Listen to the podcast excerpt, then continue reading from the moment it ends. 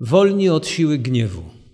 Kiedy czytamy Ewangelię Marka, poznajemy wiele informacji o tym, kim jest Jezus. Kiedy czytamy inne Ewangelie, one nam w tym oczywiście pomagają. Dobrze jest czytać Ewangelię, aby wiedzieć więcej o Panu Jezusie. I również dowiedzieć się, co On ma dla nas. Obserwując reakcję, albo nawet sam gniew, możemy zauważyć, że na tą samą sytuację ktoś inny zareaguje inaczej. Że różnie reagujemy na takie same sytuacje. Na przykład jakiś kierowca ochlapał was błotem, ciebie i osobę idącą z tobą. Może być to mąż, żona, koleżanka z koleżanką, żeby już nie szukać po obcych. Ty i osoba idąca obok ciebie bardzo często zauważacie, że są dwie różne reakcje, choć błoto takie samo, bo nie jest inne błoto. Samochód, który was ochlapał, to nie jest inny samochód. Dzień też jest ten sam. Więc mimo, że to jest takie samo, reakcje inne. Na wiele rzeczy reagujemy odmiennie. I czemu tak się dzieje? No dzisiaj chciałbym spróbować choć troszkę na ten temat powiedzieć, bo są przyczyny i jego skutki gniewu. Przyczyna naszego gniewu to niespełnione oczekiwania. Nie każdy gniew jest taki sam. Na pewno mamy przynajmniej dwa rodzaje gniewu, bo te łatwo można dostrzec. Powszechnie spotykamy się z gniewem instynktownym. Nawet można sobie wpisać w Google gniew instynktowny i też wam wyskoczy. On pojawia się błyskawicznie. To jak wtedy, kiedy idziesz ulicą i ktoś z nienacka cię ochlapie, albo niesiesz sobie w barze samoobsługowym czy w restauracji zupę i ktoś cię trąci, wylejesz zupę nie tylko na podłogę, ale i na siebie. I wtedy co się może stać? To jest reakcja. Bardzo szybka reakcja, albo kelner cię ochlapie. Ten gniew instynktowny. Nie da się na te wydarzenia przygotować, bo one się dzieją z nienacka.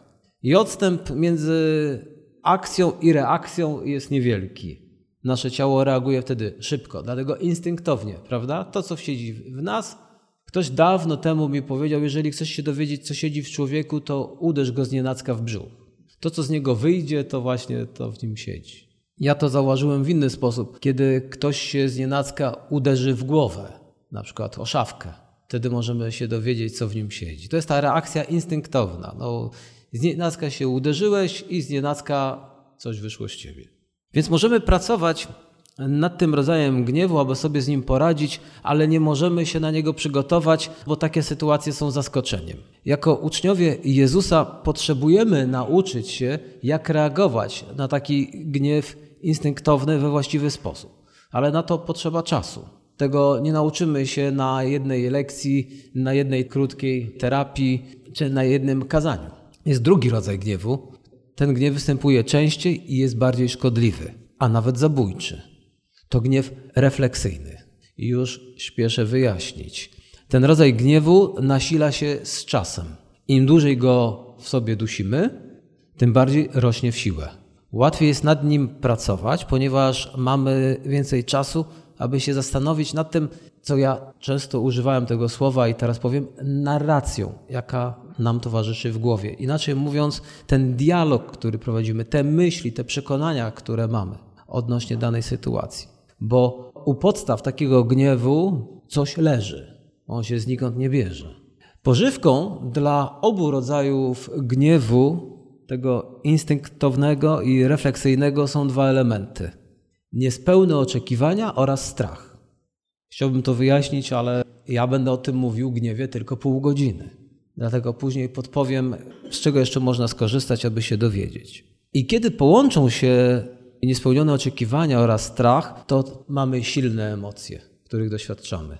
Najlepszy przykład to jest umówienie się z kimś. Jako, że sam się umawiam. Pewnie Wam też się zdarzyło, że się z ludźmi umawiacie na jakąś godzinę, na jakąś porę, gdzieś. Więc wyobraźcie sobie, że umawiamy się z kimś, na przykład z przyjacielem, z przyjaciółką, na kolację w restauracji. Na przykład na godzinę 18.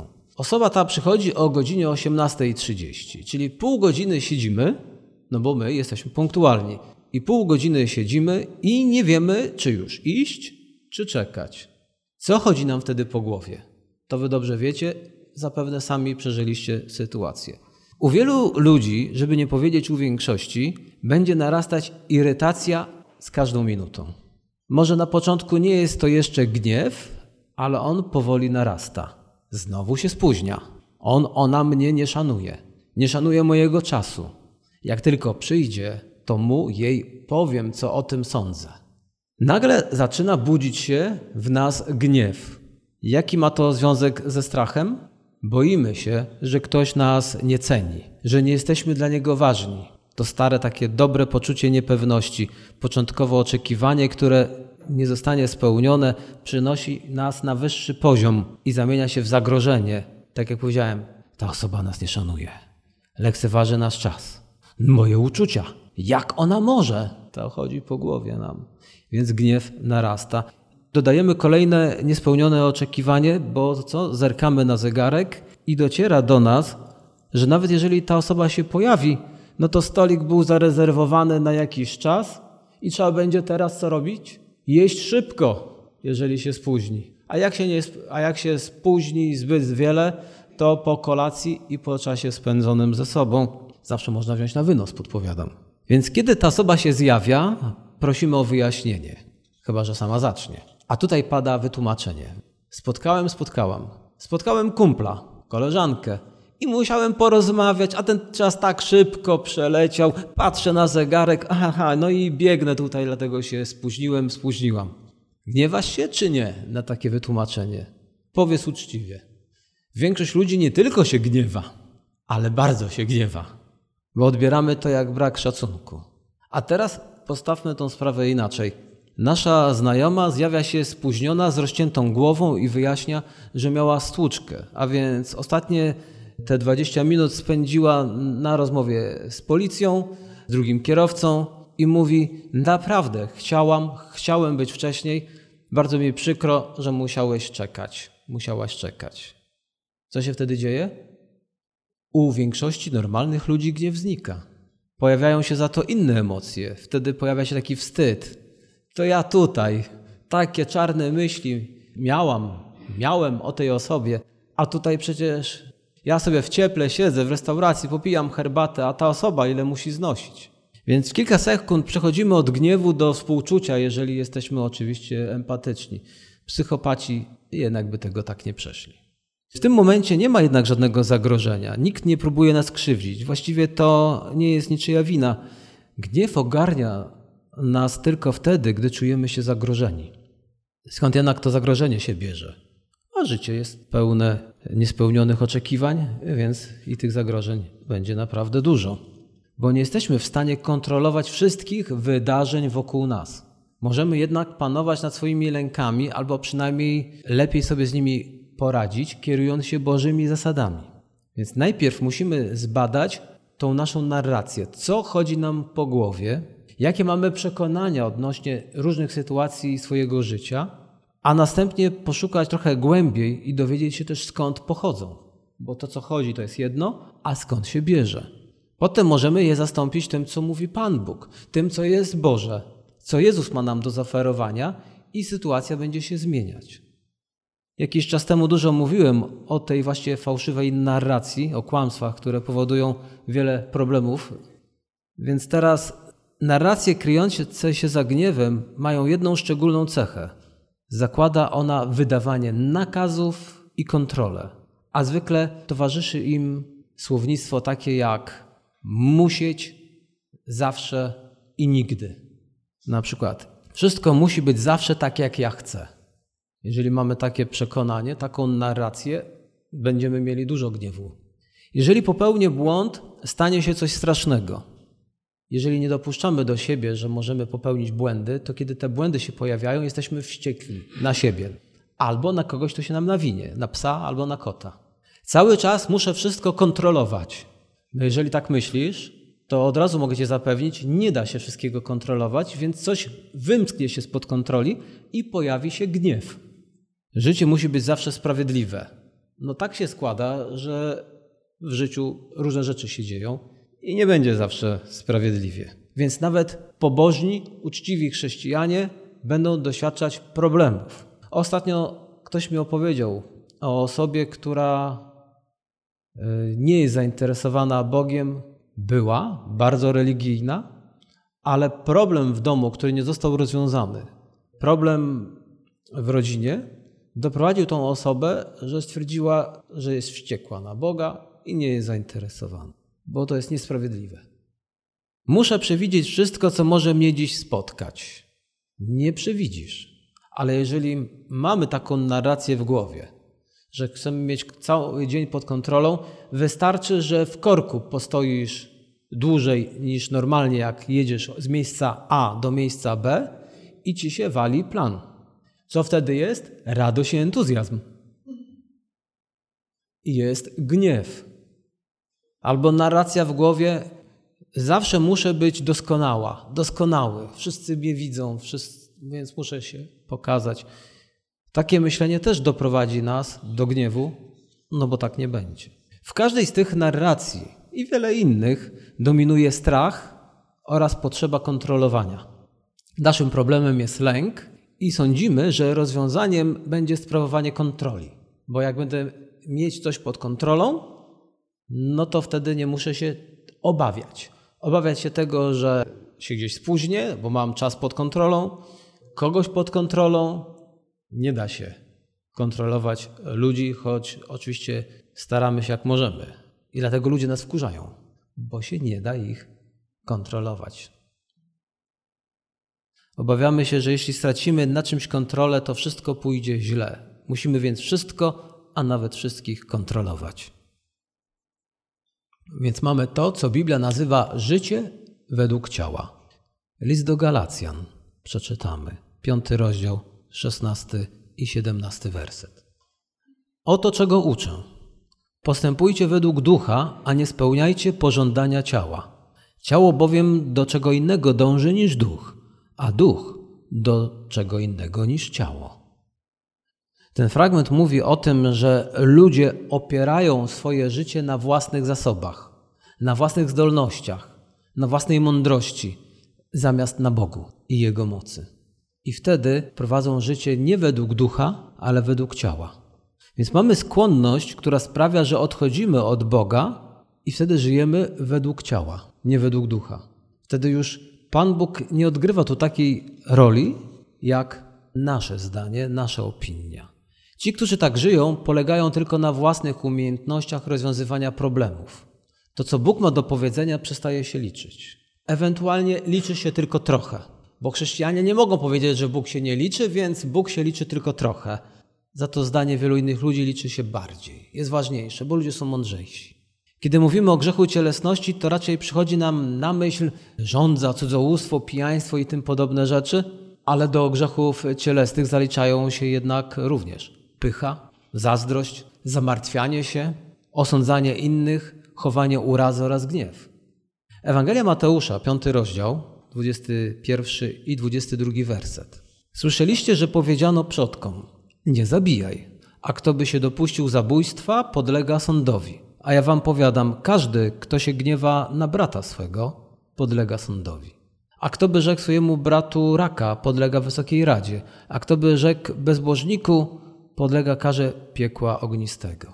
Kiedyś wyjaśnię, co ten fragment więcej znaczy, ale dzisiaj wystarczy nam to, żeby dostrzec, że wielu ludzi sądzi, że o byciu dobrym człowiekiem, chrześcijaninem świadczą zewnętrzne uczynki. A więc, jeżeli w sposób widoczny nie złamaliśmy jakichś przykazań, możemy się pokazać i popisać, czyli nikogo nie uderzyliśmy, nikogo nie zabiliśmy, przestrzegamy jakiegoś prawa, to czujemy się tacy, bym powiedział, sprawiedliwi, dobrzy, jest ok. A Jezus tutaj sięga głębiej, bo sięga do serca, bo to z serca płyną wszystkie czyny i mówi nam, każdy, kto się gniewa na swego brata, podlega sądowi. Można by pomyśleć, że Jezus tutaj podnosi poprzeczkę, i to taką poprzeczkę, że już nikt z naszej grupy lekkoatletycznej tu obecnej nie jest w stanie tego dokonać. Nie. Z Bożą pomocą, jak to mówi Biblia, wszystko jest możliwe. Jezus nic innego nie robi, jak wskazuje na głębsze źródło problemów. Bogu chodzi nie tylko o nasze postępowanie. On wie, że sercu pełnemu gniewu, sercu, które nienawidzi, niedaleko do tego, aby się mścić a nawet mordować. Przecież nie od razu bierze się zemsta w czynach i mord. Ktoś tak przyszło mu do głowy i zamordował. On taki dobry chrześcijanin, pobożny i zamordował.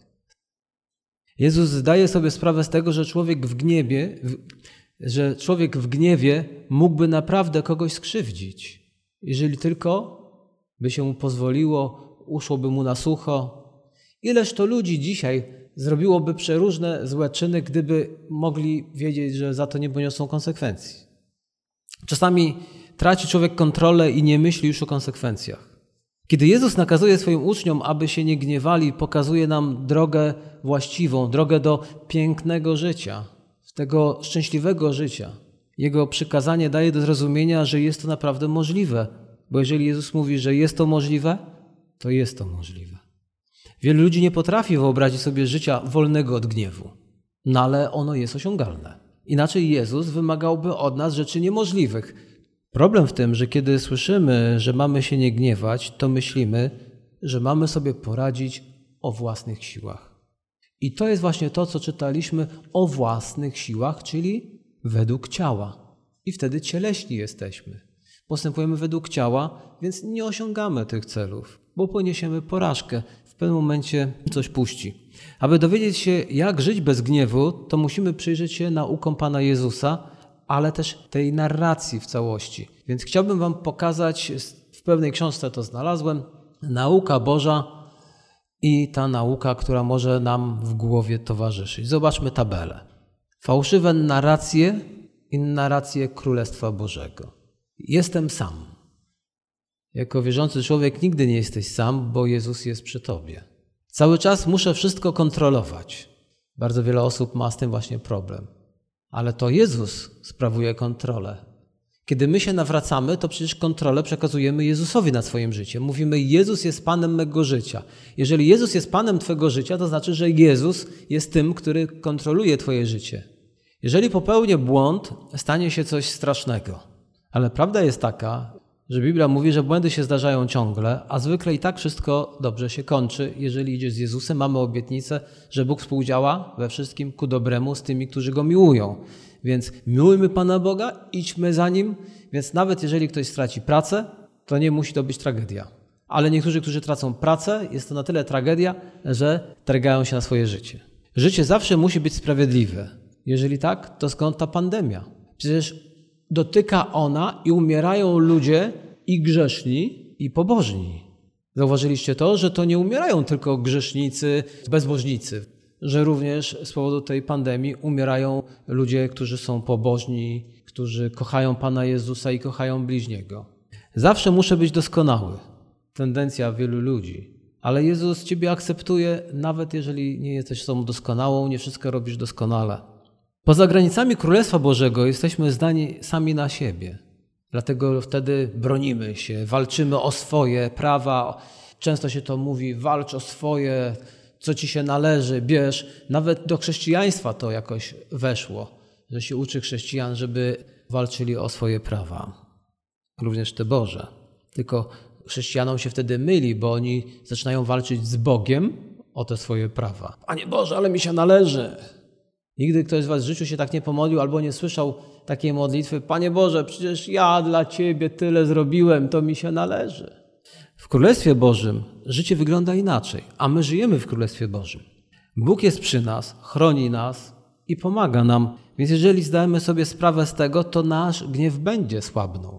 Jeżeli zrozumiemy to, co tutaj jest, i będzie z czasem lepiej, bo to jest proces. Autor pewnej książki napisał tak: My możemy stracić Boga z oczu, jednak On nigdy nie odwraca od nas wzroku. Bóg daje nam przestrzeń do eksperymentowania, dorastania, rozdojrzewania i nigdy nam nie przeszkadza. Nie oznacza to jednak, że Go przy nas nie ma, że nas nie obserwuje i nie zna dokładnie naszych czynów. Jezus obiecał: Nie opuszczę Cię ani nie zostawię. Więc jeżeli Bóg jest w pobliżu, prawda, jest wierzącymi, to nie musimy się bać, że stracimy kontrolę, że zrobimy coś źle, że Bóg nas przestanie kochać. To jest właśnie też ta narracja, tutaj powiem. Jeżeli ja coś zrobię źle, Bóg przestanie mnie kochać. Nie, Bóg nie przestanie cię kochać. Bóg z chęcią ci pomoże później to naprawić i zrobić to dobrze. Dlatego jest często w nas ten strach, że stracę co? Miłość Bożą? A kiedy się dowiadujesz, że nie stracisz, to czym się tu denerwować? No, że kontrolę stracę. No ale kto ma mieć kontrolę? Pan Bóg, a nie my. Aby poradzić sobie z gniewem, potrzebujemy znać Boże zdanie na daną sytuację, a nie nasze, które ktoś nam wpaja. Być może kultura, wychowanie, szkoła, rodzina, nie wiem, telewizja. Nie musi być tak, jak my chcemy. I wtedy człowiek się lepiej poczuje. Nie musi być tak zawsze. Sytuacja może się zmienić, kiedy zmienimy autora naszych przekonań.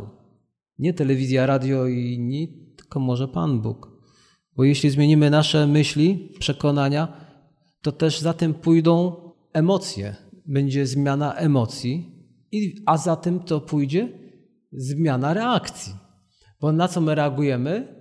Na sytuacje, które pobudzają w nas jakieś emocje. Te emocje wynikają z jakichś naszych przekonań i jest emocja, jest reakcja.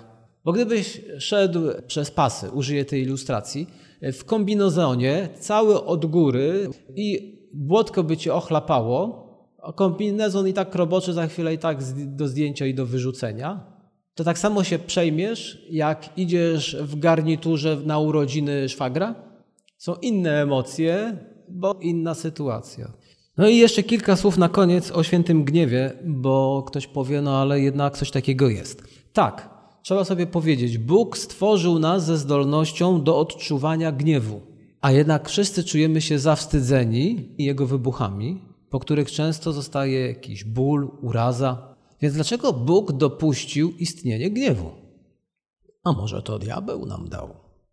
Jak sądzicie? Diabeł daje gniew czy Pan Bóg? To, co przeżywamy, możemy wykorzystać dobrze i źle. Chcąc zaspokoić nasze potrzeby, możemy to zrobić dobrze lub źle. Gniew jest prawidłową reakcją na niesprawiedliwość która wywołuje w nas naturalny sprzeciw, ponieważ zostaliśmy stworzeni na obraz Boga i Bóg również nie jest zadowolony, że jest jakaś niesprawiedliwość. Wielu chrześcijan uważa, że gniew jest czymś złym, więc próbują go tłumić lub zwalczać, co nie jest najlepszym wyjściem.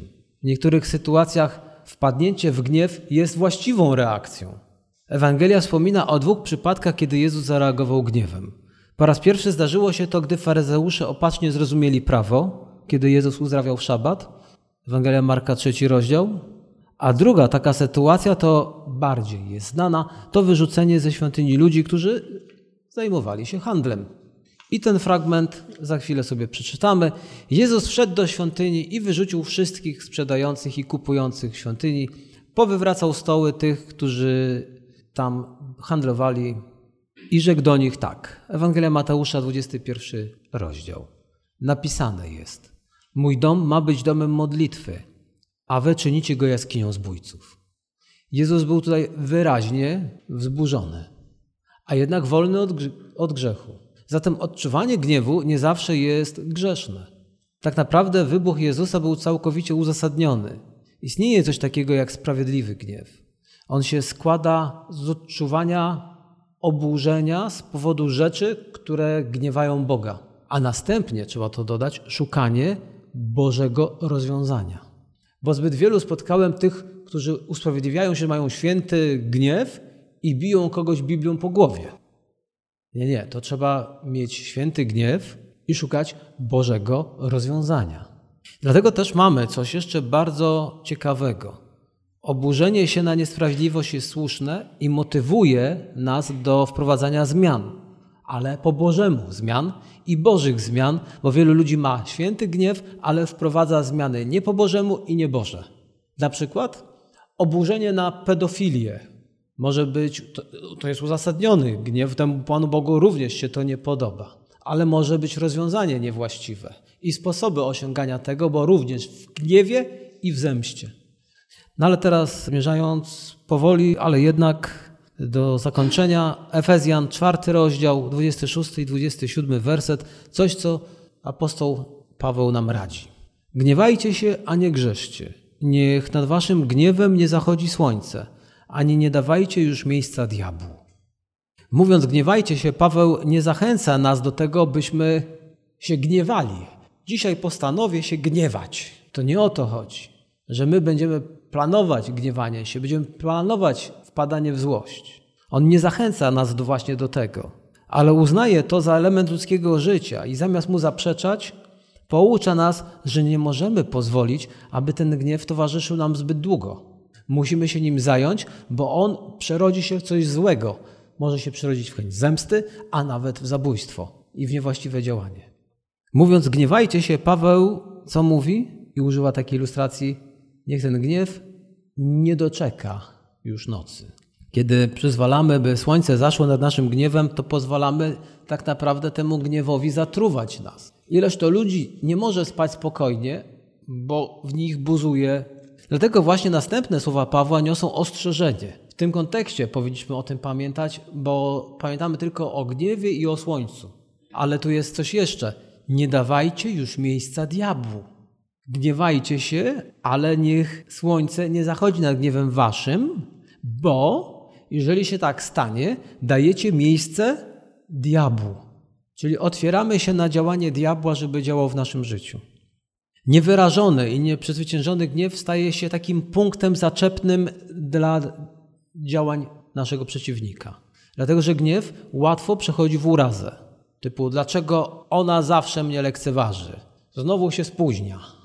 Albo mówienie, życie jest niesprawiedliwe i karmimy się i się złościmy. Jacy ludzie są niesprawiedliwi, jaki, to, jaki ten szef pracy jest wredny. I jeszcze opowiadamy z kimś o tym, jaki ten szef jest wredny. Co się wtedy dzieje? My się nakręcamy.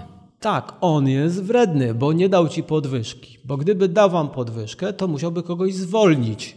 Bo tak to funkcjonuje. Jeżeli chce się komuś dać podwyżkę, bo pensja minimalna, rząd decyduje o wzroście pensji minimalnej, to wielu pracodawców robi co? Podnosi pensję, ale zwalnia kogoś i te jego obowiązki przekazuje tym wszystkim, żeby je robili. Cała filozofia. Masz podwyżkę. Tylko, że zwolnioną osobą możesz być ty. Więc zły pracodawca, bo nie dał ci podwyżki, to może cię zwolnić. Będzie lepszy. Dlatego gniew on, powiedziałem, narasta. To jest ten długi. Bo dajemy przyczółek diabłu, on przychodzi i zaczyna działać w naszym życiu. Należy zauważyć, że gniew towarzyszy nam, kiedy to nasze ego wyłazi. Coś, co mi się należy, musi być po mojemu. Musi być tak, jak ja chcę, a że nie jest, to zawsze coś się wtedy w nas dzieje. Od lat powtarzam, że brak odpoczynku to jako dodatek, bo chciałbym już zakończyć, ale od lat tutaj powtarzam, że brak odpoczynku jest również problemem. Gniew często towarzyszy tym, którzy nie mają czasu na odpoczynek. Gniew wynika z naszej potrzeby kontroli, niespełnionych oczekiwań oraz strachu. Natomiast odpoczynek, szabat, uczy nas ufności Bogu. Zachowywanie więc odpoczynku jest doskonałym ćwiczeniem pomagającym nam zrozumieć i poradzić sobie z gniewem, bo zmusza ten odpoczynek, który Bóg nam daje, do tego, żeby człowiek puścił coś z rąk, spod swojej kontroli, aby pozwolił Bogu mu się zaopiekować. Człowiek sobie myśli, muszę pracować 7 dni w tygodniu po 12 godzin, bo inaczej nie będę miał na chleb. Czy to nie jest pragnienie kontroli, a potem idzie za tym gniew? A jak jest zmęczenie, staje się bardzo podatny na wiele rzeczy złych. Sen jest tutaj dowodem, kiedy odpoczywamy, właśnie tego, że nie wszystko jest pod kontrolą, bo kiedy zasypiamy, to stajemy się bezbronni. Co to oznacza? Że ktoś może przyjść i ci natrzaskać. Będzie to zaskoczenie, ale jednak zasypiamy. Odpoczynek, zaufanie, oddanie kontroli, czyli takie podstawowe elementy związane z odpoczynkiem, mogą pomóc nam w opanowaniu gniewu. Więc ten Boży Szabat, który Bóg chce, abyśmy obchodzili, to nie jest tylko powstrzymywaniem się od aktywności. Jest to również radość, jest to rozkosz i zarazem nauka dla nas, że nie wszystko musi być pod kontrolą. Nie musisz tyle pracować, nie, tyle, nie, nie musisz się tak mocno martwić. Kiedy przychodzisz na nabożeństwo, możesz odpocząć. Ewangelia Marka, na koniec werset drugi, 27 werset. Jezus powiedział: To szabat został ustanowiony dla człowieka, a nie człowiek dla szabatu. Zatem syn człowieczy jest panem szabatu. Szabat został ustanowiony dla człowieka. Był w tym określony cel. Człowiek musi mieć odpoczynek. Musi wypuścić coś z swojej kontroli. Nie musi ciągle brać pracy do domu, żeby pracować non-stop.